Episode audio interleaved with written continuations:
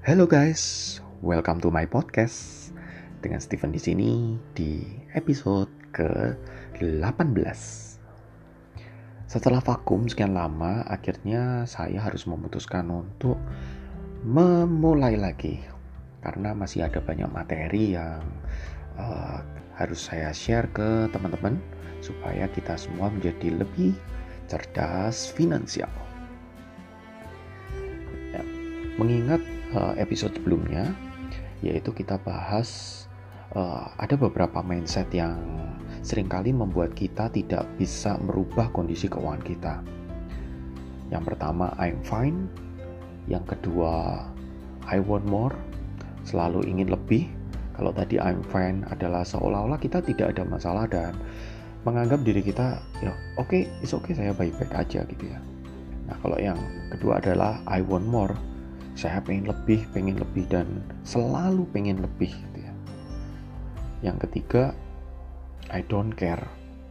I don't care. Ini bicara artinya ya kita mungkin tahu kondisi keuangan kita lagi nggak sehat gitu ya tapi kita tidak mau memperdulikan itu. Akhirnya ya kita nggak akan bisa merubah kondisi keuangan karena kita tidak peduli dengan kondisi keuangan kita saat ini yang mungkin lagi sakit. Yang keempat I don't know gitu. Nah mindset I don't know ini adalah uh, mungkin kita nggak tahu ternyata kondisi keuangan kita ini lagi kacau balau. Kondisi keuangan kita ini mungkin lagi berantakan. Dan mungkin kita juga nggak tahu ya, I don't know. Kita nggak tahu bagaimana cara mengubah kondisi keuangan kita. Ya, mindset yang salah yang kelima adalah I want to be like that. Saya pengen menjadi seperti dia, seperti mereka gitu ya uh, pengen gaya hidup seperti mereka, pengen punya handphone yang seperti mereka, pengen menjadi sosok seperti mereka gitu ya. Padahal mungkin kondisi keuangan kita nggak mampu untuk uh, membuat gaya hidup seperti mereka. Gitu. Nah, kalau kita perhatikan kelima mindset yang tadi saya udah sampaikan itu semuanya dimulai dengan kata I atau saya. Nah sebenarnya dari sini saja udah jelas ya.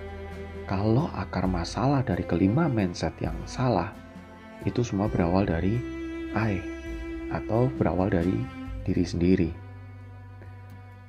Jadi bagaimana caranya supaya bisa lepas dari efek negatif mindset yang salah tersebut? Ya jawabannya kita harus merubah diri kita sendiri Nah, itu yang akan kita bahas di episode ke-18. Hmm, mungkin banyak orang bilang ya, it's easier said than done gitu. Yang ngomong itu gampang, tapi ngelakuinnya memang gak gampang. Ya memang mengubah diri itu adalah uh, salah satu hal yang paling sulit yang bisa kita lakukan. Karena memang musuh terbesar kita itu bukan orang lain, tapi musuh terbesar kita adalah diri sendiri. Bagi sebagian orang, perubahan itu baru bisa terjadi kalau mereka sudah ada di titik terendah dalam kehidupan mereka. Dan itu rasanya nggak menyenangkan. Robert Scholar berkata, tidak ada keberhasilan tanpa pengorbanan. Guys, sadarilah satu hal ini. Perubahan yang permanen hanya akan terjadi kalau itu berasal dari dalam diri kita sendiri, bukan dari luar. Kita nggak akan bisa berubah menjadi pribadi yang lebih baik dengan cara ikut seminar, ikut training motivasi, atau membaca buku. Tapi semuanya itu tidak dibarengi dengan motivasi yang kuat dari dalam diri kita untuk berubah. Semua itu adalah alat tambahan buku, seminar, kelas motivasi. Yang paling utama adalah perubahan itu dimulai dari diri sendiri. Ya, uh, aku mau cerita ada uh, tulisan uh, dari uh, uskup yang uh, berasal dari Inggris. Ceritanya seperti ini. Ketika masih muda, saya bermimpi mengubah dunia Seiring bertambahnya umur, saya sadar dunia tidak akan berubah. Jadi, saya berpikir mengubah negara saya. Tapi negara saya juga tidak akan berubah. Jadi di usia tua saya, saya berusaha mengubah keluarga saya. Tapi mereka juga ternyata tidak mau berubah. Dan sekarang saat saya menjelang ajal, baru menyadari kenapa saya tidak mengubah diri saya dulu. Dengan saya merubah diri saya, keluarga saya bisa berubah. Dengan keluarga saya berubah, kemungkinan negara saya bisa berubah. Jadi, dari perubahan negara saya, dunia ini akhirnya bisa berubah. Guys, kita harus akui ya, bahwa permasalahan dan butuh berubah menjadi lebih baik. Akui bahwa kita bermasalah.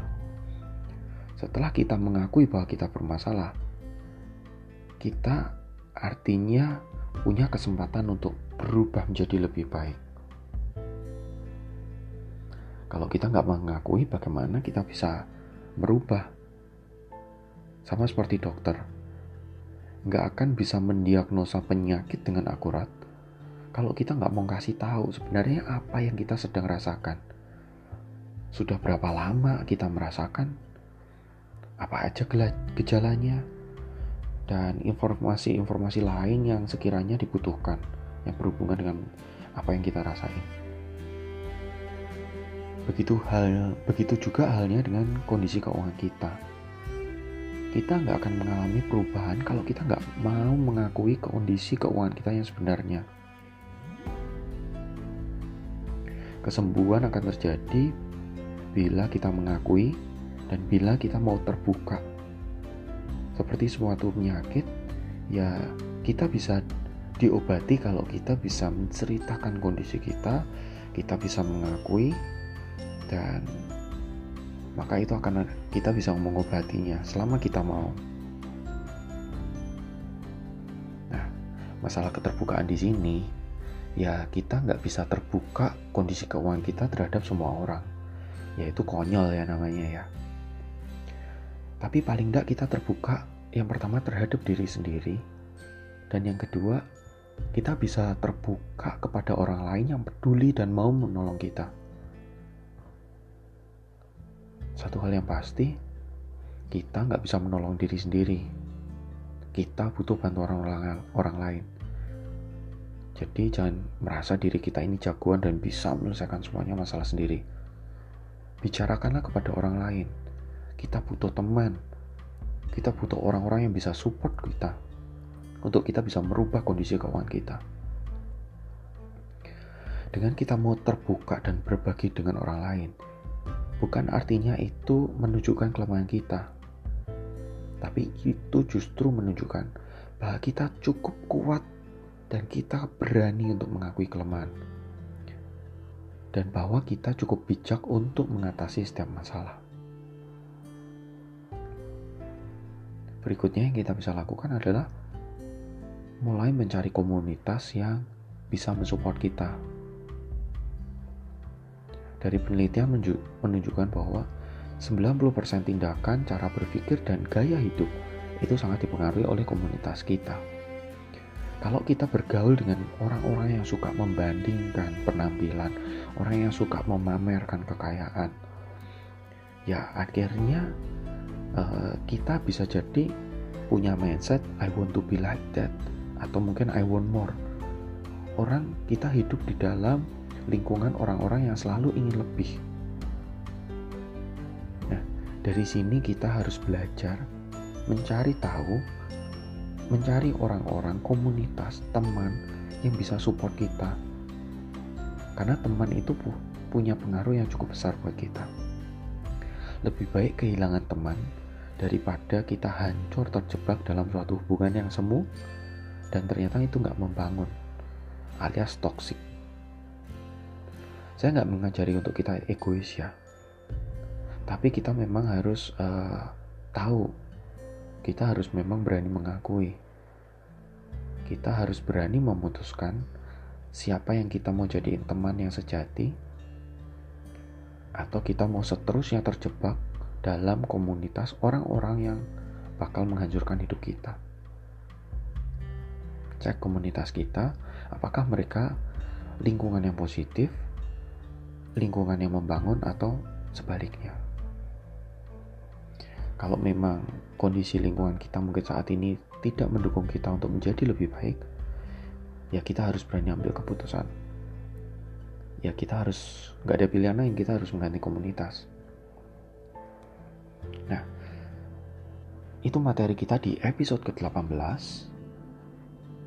Ada beberapa pertanyaan yang kita bisa renungkan malam ini. Karena ini saya bikin podcastnya di malam. Jadi sebelum tidur teman-teman bisa renungin ya. Pertanyaan pertama nih. Apakah teman-teman sudah puas dengan keadaan keuangan kita saat ini? Kalau sudah puas, mengapa kalau belum puas, mengapa juga? Yang kedua, apakah kita termasuk orang yang suka belanja tanpa perencanaan? Pertanyaan yang ketiga untuk kita renungkan, apakah bagi kita terlihat keren itu lebih penting daripada kondisi kesehatan keuangan kita? Pertanyaan yang keempat, apakah kita punya komunitas yang sehat yang bisa membantu diri kita menjadi lebih baik? Ada empat pertanyaan yang kita bisa renungkan malam ini, dan aku mau kasih langkah praktis yang teman-teman bisa lakuin dimulai dari sendiri dan pasti bisa dilakuin dan dimulai dari sekarang. Langkah praktis yang pertama, teman-teman cari orang-orang kelilingi orang-orang yang bisa support teman-teman dan mereka yang bisa kita ajak sharing dan berbagi terkait kondisi keuangan kita. Yang pasti orang ini bisa dipercaya dan orang ini punya hati untuk membantu kita. Jadi temenan bukan hanya sekedar saling menguntungkan atau menguntungkan satu pihak, tapi teman-teman yang punya hati yang tulus buat uh, saling membantu dan saling support. Yang kedua, buatlah rencana untuk mengatasi setiap masalah keuangan yang kita ketahui, sekecil apa pun itu. Misalnya kita nggak tahan kalau kita lihat diskon, ya solusinya apa rencananya apa untuk mengatasi masalah tersebut? Ya artinya janganlah kita sering-sering ke mall. Atau jangan sering-sering kita buka Shopee. Bukan sebut merek sorry sensor gitu ya. Ya jangan sering-sering kita buka platform untuk belanja. Apalagi lagi flash sale gitu ya. Yang, yang ketiga kalau kita termasuk orang yang suka gelap mata Bertekadlah untuk mengubah cara belanja kita. Perubahan tidak datang dari luar tapi dari dalam. Yang keempat, buatlah rencana untuk upgrade diri kita dalam hal finansial. Habiskan waktu dan uang untuk membeli buku bagus. Uh, bisa juga ikut kelas kelas keuangan dan lakukan apa yang udah kita pelajari teman-teman aku punya rekomend rekomendasi buat kalian. Kalian bisa menginvestasikan uang untuk beli bukunya revolusi uang dari beruang cerdas. Itu bagus banget. Dan materi yang aku bagikan malam ini itu juga aku ambil dari materi revolusi uangnya dari beruang cerdas. Jadi teman-teman nggak salah kalau teman-teman menginvestasikan uang untuk mengupgrade kemampuan teman-teman. Salah satunya di bidang mengelola keuangan Yang kelima, kelilingi diri kita dengan orang-orang yang bisa membantu kita untuk berubah, bukan menjatuhkan. Jadi cari lingkungan yang support kita untuk membuat kita menjadi lebih baik. Butuh waktu, kita butuh seleksi, dan itu juga tidak bisa instan. Berdoa, minta pada Tuhan supaya kita dipertemukan dengan orang-orang yang memang bisa membantu kita menjadi lebih baik. Baik diri kita hingga kondisi keuangan kita.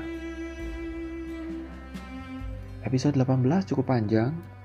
Semoga bisa menginspirasi kita semua dan saya berdoa dan berharap buat kita semua supaya kita semakin cerdas finansial. See you in the next episode.